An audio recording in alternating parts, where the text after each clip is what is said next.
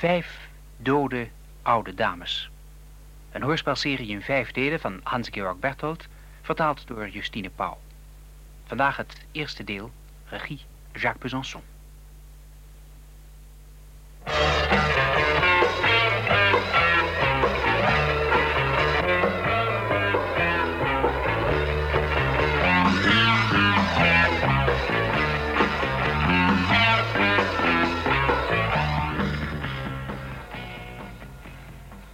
Vraag het uw dokter, geachte dames en heren.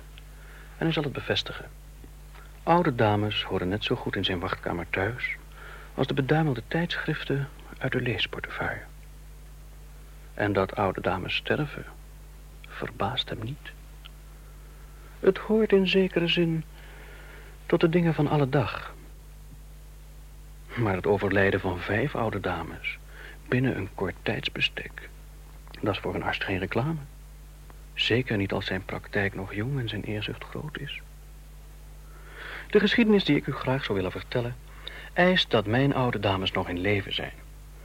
Op twee na. Maar daar kwam ik ook pas later achter. En de eerste die ik leerde kennen... was zonder twijfel de liefste oude dame die ik ooit gezien had. Haar hand was koel en wit als porselein. Oh, dokter... Wat vriendelijk van u dat u zo gauw gekomen bent. Komt u alstublieft binnen. Ik bukte me zoals ik altijd deed. Hoewel de deuren in dit gedeelte van de stad meestal hoger waren dan mijn 1,95 meter. En ik stapte voorzichtig over de drempel. Deze kant op, alstublieft. Daar. Ik stond in een kleine kamer die naar valerianen medicijnen rook. En ook een beetje naar ouderdom en de dood.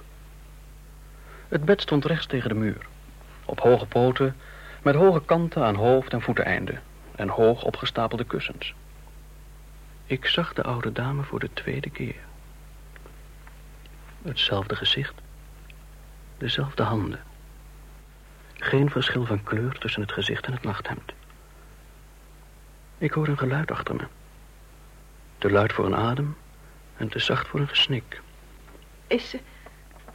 Is ze al... Ik wist het nog niet en zweeg. Mijn dokterstas was nieuw, net als mijn praktijk. Hij rook sterk naar leer en kraakte als je hem opendeed. Tussen de warboel van een visiteboek, receptenblokken, injectiespuiten en doosjes met ampullen... viste ik mijn stethoscoop tevoorschijn. Ik plaatste de stethoscoop op de bleke huid naast het borstbeen. Met mijn linkerhand voelde ik haar pols. Ik hoorde niets en voelde niets. De oude dame achter me durfde geen adem te halen en die in bed deed het niet meer. Terwijl ik luisterde, viel mijn oog op het nachtkastje. Op het gehaakte kleedje lag een zakdoek, daarnaast een bijbel, goud op snee en een bladwijzer. Twee pillendoosjes, één met knoflookpillen, levenskracht genaamd, en één met slaaptabletten, welke je allemaal in één keer in moest nemen om tegen de ochtend in een onrustige slaap te vallen. Er stond nog een flesje. Digitale stinctuur voor het hart. En nog iets. Een foto in een mooie zilveren lijst. Er stonden vijf jonge meisjes op. Een jeugdfoto uit de goede oude tijd. Dochters uit de betere kringen. De hoop gericht op een geschikte partij. Ik liet de pols los, nam de stethoscoop weg... en tilde voorzichtig haar rechterooglet op. Daarna ging ik rechtop staan. Is ze heen gegaan? Mevrouw, ik moet helaas uh, uw vermoeden bevestigen. Arme Jenny. Arme, arme Jenny. Ik wil u niet onnodig ophouden, dokter. U moet vast en zeker nog het een en ander weten voor... voor de overlijdensakte. Haar houding verbaasde me. Ik had een scène verwacht. In plaats daarvan was zij zo vriendelijk me aan de overlijdensakte te herinneren. Men raakt nooit uitgeleerd. We gingen in de salon zitten, voor de Bechsteinvleugel en naast Goethe. De oude dame sprak met een heldere stem. Ze was al heel lang onder behandeling voor haar hart. Bij dokter Harding. U weet zeker... Ik heb het dossier gezien. Oh. De laatste tijd ging het eigenlijk erg goed met haar. Vroeger kreeg ze injecties. Ik weet niet meer hoeveel. Een paar keer heeft ze ook een kuur ondergaan... en dat deed haar altijd erg goed. Wat nam ze de laatste tijd voor medicijnen? Alleen digitalis? Alleen digitalis. Tweemaal acht druppels per dag, zoals dokter Harding had voorgeschreven. En dan haar slaaptabletten. Maar alleen af en toe. Vaak sliep ze ook zo. Hmm. En hoe was ze gisteren? Goed eigenlijk. Ze was op en heeft ook wat gegeten. Tja. Mevrouw, zulke dingen gebeuren vaak jammer genoeg heel plotseling. Woonde ze hier helemaal alleen? Nee, ze heeft twee kamers verhuurd. De ene huurster, juffrouw Doets, was erg aardig voor haar. Bovendien kwam de werkster driemaal per week. En ik heb natuurlijk ook. Natuurlijk. En vanavond... Ik kwam zoals altijd op dezelfde tijd. En daar... Ik heb u meteen opgebeld. Ik haalde het formulier uit mijn tas. Alles was duidelijk. Niets sensationeels. Een alledaags geval. Een oud hart dat opgehouden had te slaan. Ze gaf me de personalia op en ik schreef. Jenny Herwig, geboren op 15 januari 1893. Gevierd, samen met mij. En nu? Ik schreef verder. Ik kende het dossier en wist het antwoord. Het was een tweeling. Ik was snel klaar. Het ziekteverloop, de directe doodsoorzaak. Reden tot twijfel omtrent de natuurlijke dood? Nee. Ik zette mijn handtekening, onleesbaar zoals altijd. Dat was ik aan mijn stand verplicht. En wat nu? U moet dit aan de begrafenisondernemer geven, mevrouw. Hij zal u verder zeggen wat er gedaan moet worden. Kan ik nog iets voor u doen? Nee, nee. Dank u wel. Het spijt me dat ik u zo laat nog heb moeten lastigvallen. Oh, dat geeft helemaal niets. Maakt u zich daarover geen zorgen. Als er iets is, hoeft u alleen maar de telefoon te pakken. U bent erg vriendelijk. Hartelijk dank, dokter. Misschien kom ik gauw eens bij u om me eens helemaal te laten onderzoeken. Al die opwindingen. Als alles voorbij is. Dat zou erg verstandig van u zijn. U moet tenminste uw tachtigste verjaardag vieren. Oh, ach, dokter. Ze lachte zwakjes. Ze scheen er niet van overtuigd. Tot ziens, dokter. En nogmaals hartelijk dank. Ik mompelde nog iets en toen liepen we samen de kamer uit, de donkere hal in. De bronzen Goethe staarde me na. De voordeur sloeg dicht. Ik voelde me alsof ik uit de vorige eeuw weer opgedoken was in de wereld van vandaag. En alsof ik lang weg geweest was.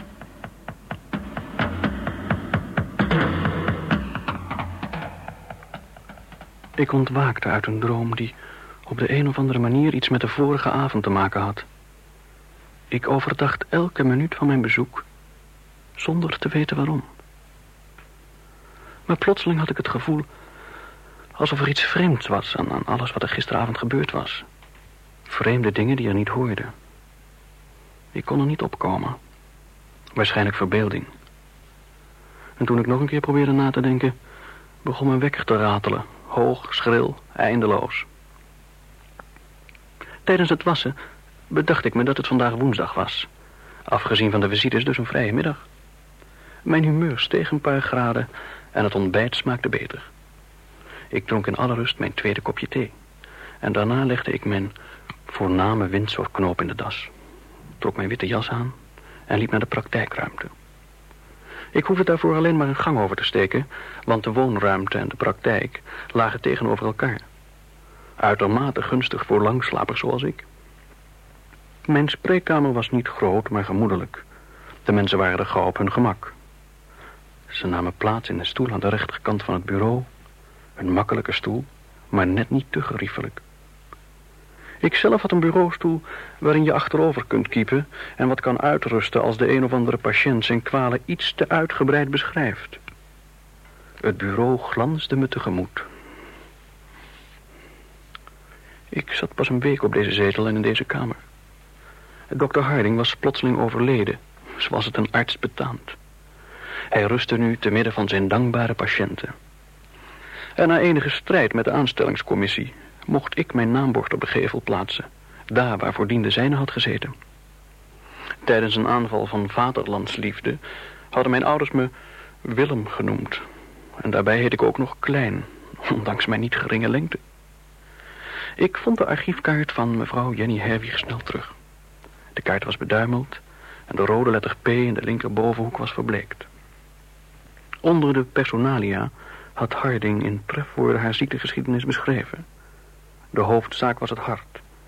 Consulten, grondig onderzoek, ECG, visite digitalis, weer een ECG, weer digitalis.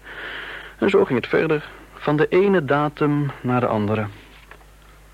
Ten slotte alleen nog maar visites en recepten. Een half jaar lang. Een winstgevende ziekte, dat wel. En nu, nu ik aan de beurt was, moest zij sterven. Ik maakte nog een laatste aantekening. 15 mei, nachtelijk spoedbezoek. 23 uur 30. Exitus letalis. Diagnose, ernstige beschadiging van de hartspier. Absolute aritmie, stilstand van het hart. Overlijdensverklaring opgesteld.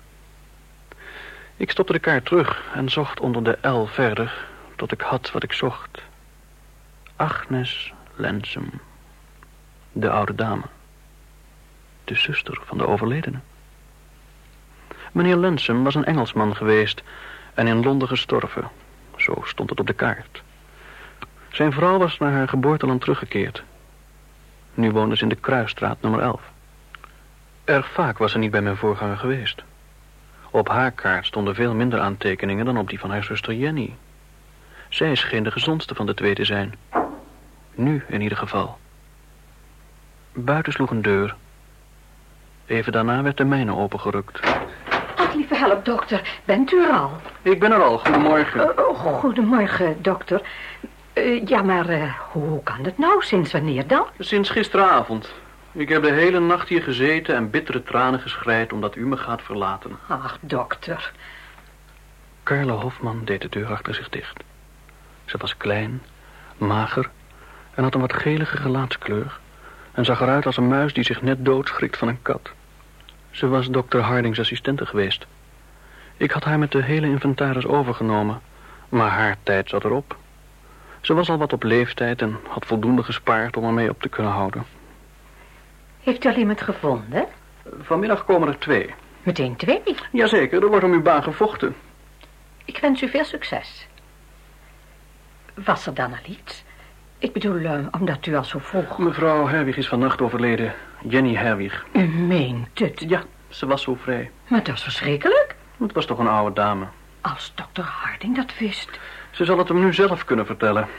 Dokter, het ontbreekt u werkelijk aan elk gevoel van eerbied. Ik weet het. En de zuster, mevrouw Lensem, heeft zij al... Zij heeft haar gevonden. Och, de arme stakker. U hebt er toch hopelijk wel een beetje getroost. Ik heb het geprobeerd, maar ze zag er niet naar uit alsof ze veel troost nodig had. Ja, ze is erg, uh, erg beheerst, hè, kan je wel zeggen. Haar zuster is, uh, was veel gevoeliger. Dat komt door haar Engelse stijl.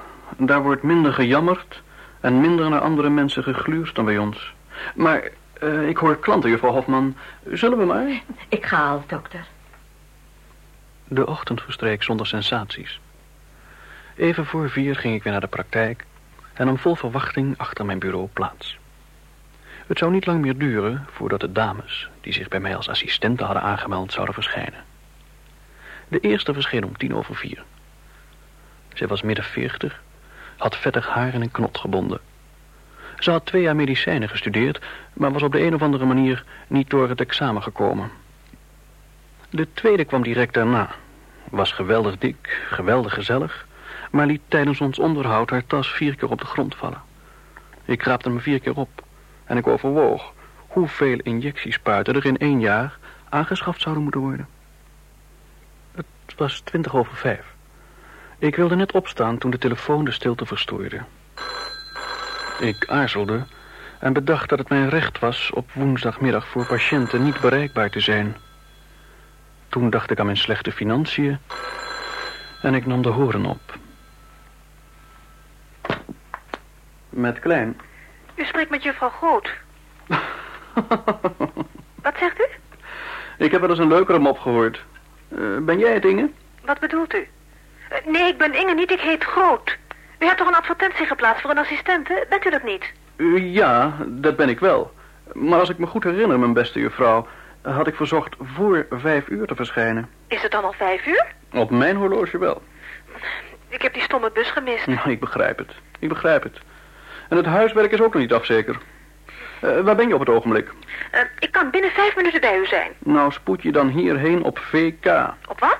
Op volle kracht. Ach, u bent bij de marine geweest. Inderdaad. Mooi. Het doet me plezier dat mijn legeronderdeel je goedkeuring kan wegdragen. En laat nu de volg in de cel en kom hier naartoe. Na achten aan de huisdeur bellen, alsjeblieft. U bent helemaal niet aardig. Ik bleef zitten en wachten. De niet erg punctuele dame had een sympathieke stem. Dat stond in ieder geval vast. Tien minuten later rinkelde de bel als een alarmcentrale bij een ongeluk. Ik stond op en liep naar de voordeur. Ik keek in een verhit gezicht. Dat lachte als een geroutineerde kwajongen. Ze had kort haar, zwart, en het zat knap in de war. Haar ogen glansden, waren lichtblauw van kleur... en straalden me volkomen onbezorgd tegemoet. Ondanks het feit dat ze te laat was. Ze had een kleine wipneus... en op haar wangen zaten een paar zomersproeten. Daar ben ik dan. Fijn dat je de bel weer losgelaten hebt. Is dat niet gauw? Fantastisch. Kom binnen. Die deur daar links. Dank u.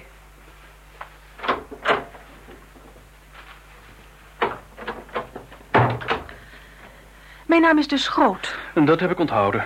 Het interesseert me waar je gewerkt hebt. Ik heb nog helemaal niet gewerkt. Alleen tijdens het praktijkgedeelte van de opleiding bij dokter Muller en bij dokter Braams. Ik heb eerst examen gedaan en Uh, hoe oud ben je? ik word twintig. Wanneer? September. Hmm, dat duurt dus nog wel even. Vind je niet dat je een beetje, een beetje jong bent voor zo'n baan? Hoezo jong? Ik moet nog eens beginnen. Overal krijg ik te horen dat ik te jong ben. Waar overal? Ik heb al twee keer gesolliciteerd. En? Niets. Er werd ook gezegd dat ik te jong was. Ah, maar dat is het niet. Wat was het dan wel? Zij had me binnengelaten en me goed bekeken. Hm, Toen was het mis. Misschien was mevrouw zelf eens assistente geweest. Ach. En hoe verliep het bij de tweede? Tegenovergestelde. Hij was niet getrouwd. Ik moest meteen maar bij hem intrekken. Voor het gemak, zei hij. Zo, zo. Vindt u dat nog grappig ook? Nou ja, buiten deze twee zijn er niet veel mogelijkheden. Of hij is getrouwd, of hij is het niet. Maar was het dat ook werkelijk? Ik bedoel, de wantrouwende echtgenote en jouw edelmoedige verwerping. Of was, was je alleen maar een beetje te laat? Wat bent u hatelijk. Ik ben niet hatelijk. Maar als je het in dit vak niet zo nauw neemt, dan, eh, dan zal je nauwelijks verder komen. In andere vakken waarschijnlijk ook niet. Eh, Wat is je voornaam? Mechtild. Mechtild. Wie heet er nou Mechtild? Ik heet nou eenmaal zo. Zal ik me laten omdopen? Neemt u me niet kwalijk, maar ik word er zo vaak mee geplaagd. Natuurlijk. Ik wil je ook niet boos maken. Heb je je getuigschriften bij je? Ja. Alsjeblieft. Zo, zo, zo. Die stomme anatomie. Ja, ja. De musculus Matthäus fluximus. Gluteus maximus. Zeg je me daarvan? En waar dient hij dan wel voor? Daar ram je... Ik bedoel, daar geef je een injectie in. De intermusculaire injecties. Ze toonde zich bekwaam en behendig in de omgang met patiënten... en was bij de kinderen erg geliefd. Heeft een eerlijk en oprecht karakter... maar is jammer genoeg vaak wat vrijpostig en onbeheerst. Ze zal haar temperament moeten leren beheersen. Dat had hij nou niet moeten opschrijven. Heeft hij gelijk? Hij heeft gelijk. Hier, stop die papieren maar weer in je tas. Hm, Dank u. En eh, wat nu? Ja, juffrouw Mechtelt, eh, het is allemaal heel aardig... maar daar hebben zich nog een paar andere dames aangemeld. Ik moet er eens rustig over nadenken wie voor mij het geschiktste is. Geef me je adres, dan stuur ik je een berichtje. Waarschijnlijk morgen al. Hm, Eh, wat is er? ik weet al hoe dat afloopt. U neemt me niet. Ik ben te jong en ik was daarbij niet op tijd. Hm. Bij de volgende is het alweer wat anders. Moet ik nou? Ik, ik moet toch een baan hebben? Nou. Tot ziens, dokter, en bedankt dat u me nog hebt willen ontvangen. Eh, wacht nog even. Is er nog iets? Ja, ga nog eens zitten. Mm, waar woon je? Bij mijn tante, Wendelstraat 8. Ze heeft ook telefoon. Oh, nou, schrijf dat nummer dan hier op dit papiertje. En, eh, en luister goed. Dat bord buiten op de deur was erg duur. Ik kan er niet weer een aanschaffen waarop de spreekuren veranderd zijn... omdat mijn assistente niet op tijd verschijnt. Je kunt het rustig zeggen als je iets niet bevalt. Dat zal je trouwens wel doen ook, daar ben ik niet bang voor. Maar als je niet op tijd bent, dan is het gauw afgelopen met onze samenwerking. Punt uit. Be- betekent dat, dat, dat ik... Dat betekent dat je maandag kunt beginnen. en nou sta jij met je mond vol tanden. Had ik niet voor mogelijk gehouden. Ik zal altijd op tijd komen, dokter. Laten we het hopen. Zeg, zou je zaterdagochtend al kunnen komen om een uur of elf? Natuurlijk. Goed. Dan is je voorgangster, juffrouw Hofman, hier voor het laatst. Ze kan je dan zo een beetje wegwijs maken. Zo. Nou, dat was dan het. En maak nou heel veel dat je wegkomt. Voor vandaag heb ik genoeg gehad. Heel hartelijk bedankt, dokter. Mijn tante zal ook blij zijn. Ik kom zaterdag en ik ben absoluut op tijd. Ach, dokter, nog één vraag. Ehm, wat is het salaris? Uh, je wordt betaald naar leeftijd en naar dienstjaren. Oh, leeftijd. Als ik dat hoor, slaat de schrik me om het hart. Salarisverhogingen zijn afhankelijk van de prestatie. Of uh, wil je toch liever bij de film gaan proberen? nou, in ieder geval weet ik nu waarom u me aangenomen hebt. Uitgierigheid. en nu wegwezen. Ik ben al weg.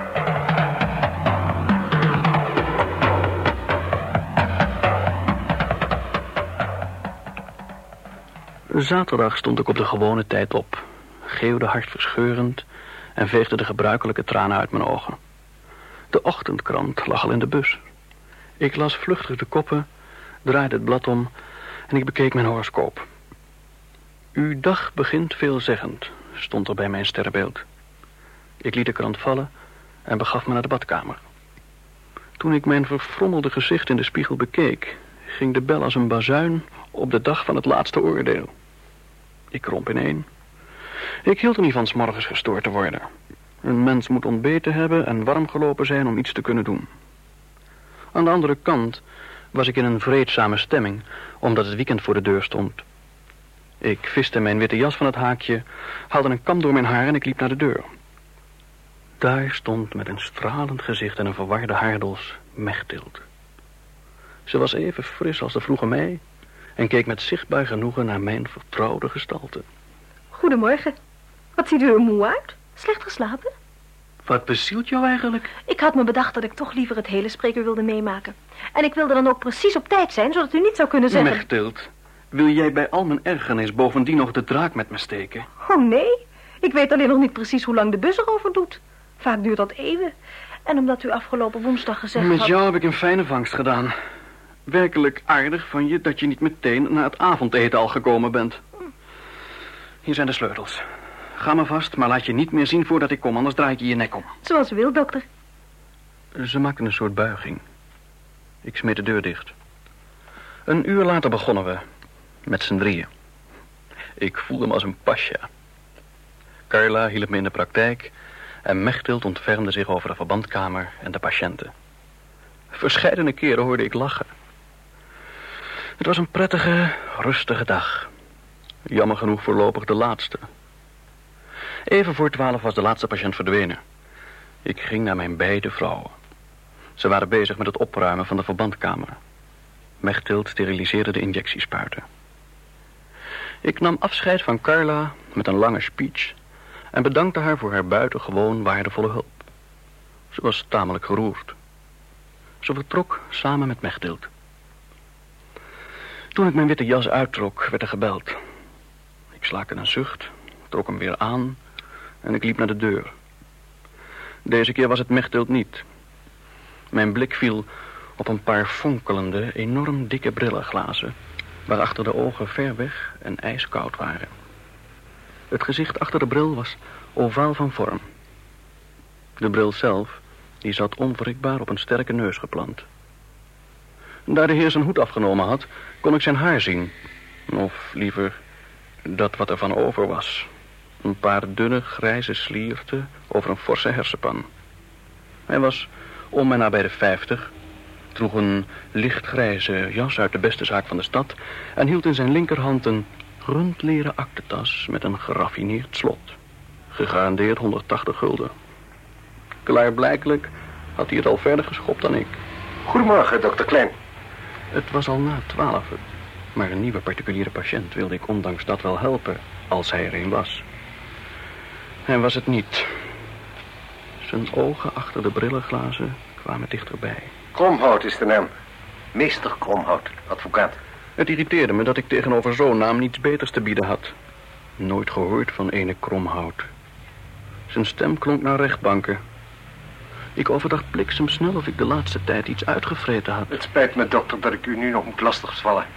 Ik zou graag heel even met u willen praten.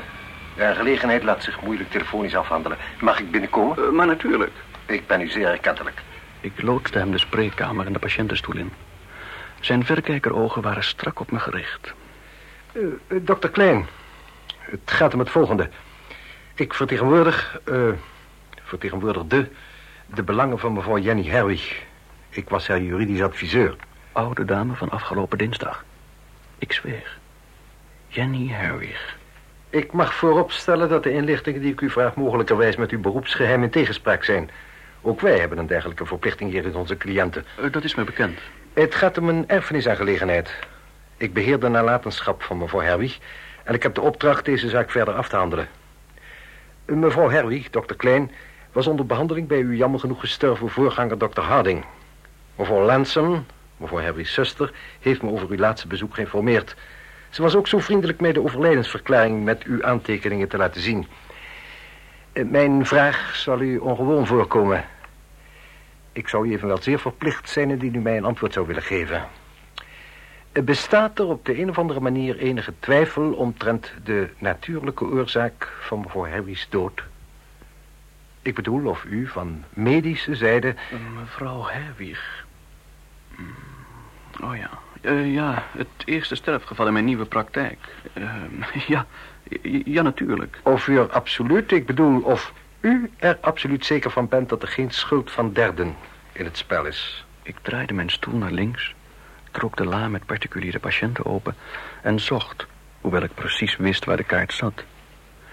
Ik draaide me naar de advocaat terug en hield de kaart als een platenboek tussen mijn handen. Zoals ik al zei, het is uw goed recht. Nee, nee, nee, nee, nee. Het is geen staatsgeheim. Alleen, uh, levend heb ik mevrouw Herwig nooit gezien. Maar de aantekeningen van dokter Harding, eh, de ziektegeschiedenis, het hele verloop... is eigenlijk een duidelijk geval. Ze had een beschadiging aan de hartspier, al een geruime tijd. Ze hield zich onder de behandeling eigenlijk erg goed. Is het dan niet wat eigenaardig dat ze zo plotseling... Ik staarde naar de kaart en dacht na was het eigenaardig. Als ze zich, zoals u zegt, onder de behandeling goed hield. Ik, uh, ik kan niet zeggen dat het eigenaardig is, meneer Kromhout. Natuurlijk stellen wij ons deze vraag ook steeds. Maar in dit geval, uh, weet u, zulke harten houden eenvoudig opeens op. De spierkracht neemt af, de bloedsomloop wordt slechter. Inspanningen worden steeds slechter verdragen. Uh -huh. Het zijn veel voorkomende gevallen. En wij mogen niet vergeten, zij was ver over de zeventig. Nee, nee, nee. Voor mij bestond niet de geringste twijfel. Een heel normaal geval. Uh -huh. uh, nam ze nog medicijnen? Oh, niets bijzonders. Ze had digitalis. Dat moest ze regelmatig innemen. En dergelijke harten hebben daar voortdurend behoefte aan, weet u. Een doorlopend recept. Uh, ze nam ook slaaptabletten. Hele zwakke dingen. Volkomen ongevaarlijk. En verder heb ik niets gezien. Zo, zo. mag ik u hartelijk danken, dokter Klein. Uw inlichting waren van groot belang. Ik wil u nu niet langer ophouden. Me, misschien staat u mij toe tot slot ook nog iets te vragen. Als het de zwijgplicht van uw kant niet te veel geweld aan doet... dan zou ik natuurlijk graag willen weten waarom dat... Uh... Dat begrijp ik volkomen. Maar het is, om uw woorden te gebruiken, een heel normaal geval. Een erfenisaangelegenheid. Het gaat om geld, om een aanzienlijk bedrag. In zulke gevallen stel ik me graag persoonlijk op de hoogte... om ervan te vergewissen dat alles normaal verloop is. Dat is alles. Zo, zo. Ik, uh, ik dacht dat u van uw kant enige verdenkingen koesterde omtrent het feit of de erfgenaam uh, niet misschien een beetje, nou ja, uh, een handje geholpen zou kunnen hebben. Nee, dat is bepaald niet het geval. Zoals gezegd, een routinezaak. Een normaal geval, net als de doodsoorzaak. Ik vroeg niets meer. Ik hielp hem in zijn jas en hij nam afscheid met een lichte buiging. Zijn brillenglazen schitterden nog één keer vervaarlijk. Ik deed de deur dicht en bleef staan, mijn handen in mijn zak. Toen liep ik terug. Ik nam de kaart nog een keer op en ik bekeek hem aandachtig. Niets. Toch was het vreemd. Hij had de hele geschiedenis telefonisch af kunnen handelen. Hoewel, misschien zou ik dan weer gezegd hebben dat ik door de telefoon dergelijke inlichtingen niet geven kon. Ook weer waar. Maar was het dan gebruikelijk als, als iemand overleden is rond te snuffelen naar de doodsoorzaak, terwijl anderen de erfenis krijgen? Dan moeten er zwermen advocaten de hele dag op pad zijn. Ik schoof de kaart vastbesloten op zijn plaats terug en ik trok mijn jas uit en verliet de praktijk nu voor goed. Ik wilde niet het hele weekend aan dode dames en hun advocaten denken. Ik sliep s'nachts uitstekend. Zo goed dat ik gegarandeerd nog drie uur door had kunnen slapen als de telefoon me niet gewekt had. Ondanks het vooruitzicht op winstgevende arbeid bleef ik slaapdronken liggen en hoopte dat hij op zou houden. Niets daarvan. De telefoon die ging alsof zes mensen tegelijk mij opbelden. Ik nam de horen van de haak. Met één slag verdween mijn schone moeheid toen ik de stem herkende en de woede bezit van me nam. Mechtild, mijn nieuwe assistente, zondagmorgen vroeg om half acht. Dokter, het spijt me. Ik... Ben je nou helemaal gek geworden? Je grapjes beginnen met de keel uit te hangen, juffrouw Groot. Ik wens... Alsjeblieft, dokter, ik... Nou, wat is er aan de hand? Uh, huil niet zo. Geef me liever antwoord. Mijn, mijn tante... Ik wilde haar net gaan wekken. Ik geloof dat, dat ze niet meer leeft. Opnieuw gesnik. Lieve hemel, dacht ik.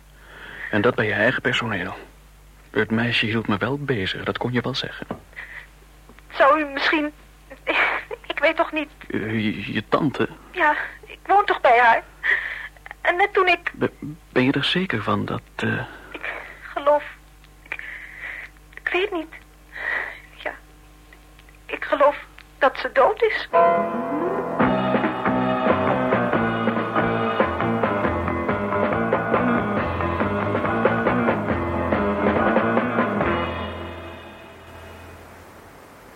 Dat was het eerste deel van Vijf dode oude dames. Een hoorspelserie in vijf delen van Hans-Georg Berthold, vertaald door Justine Pauw. U hoorde Guus Hoes als Willem Klein, Jeanne Verstraeten als Agnes Lansum, Emmy Lopez Diaz als Carla Hofman, Maria Lindes als Mechthild Groot en Frans Somers als Mr. Kromhout. De regie had Jacques Besançon.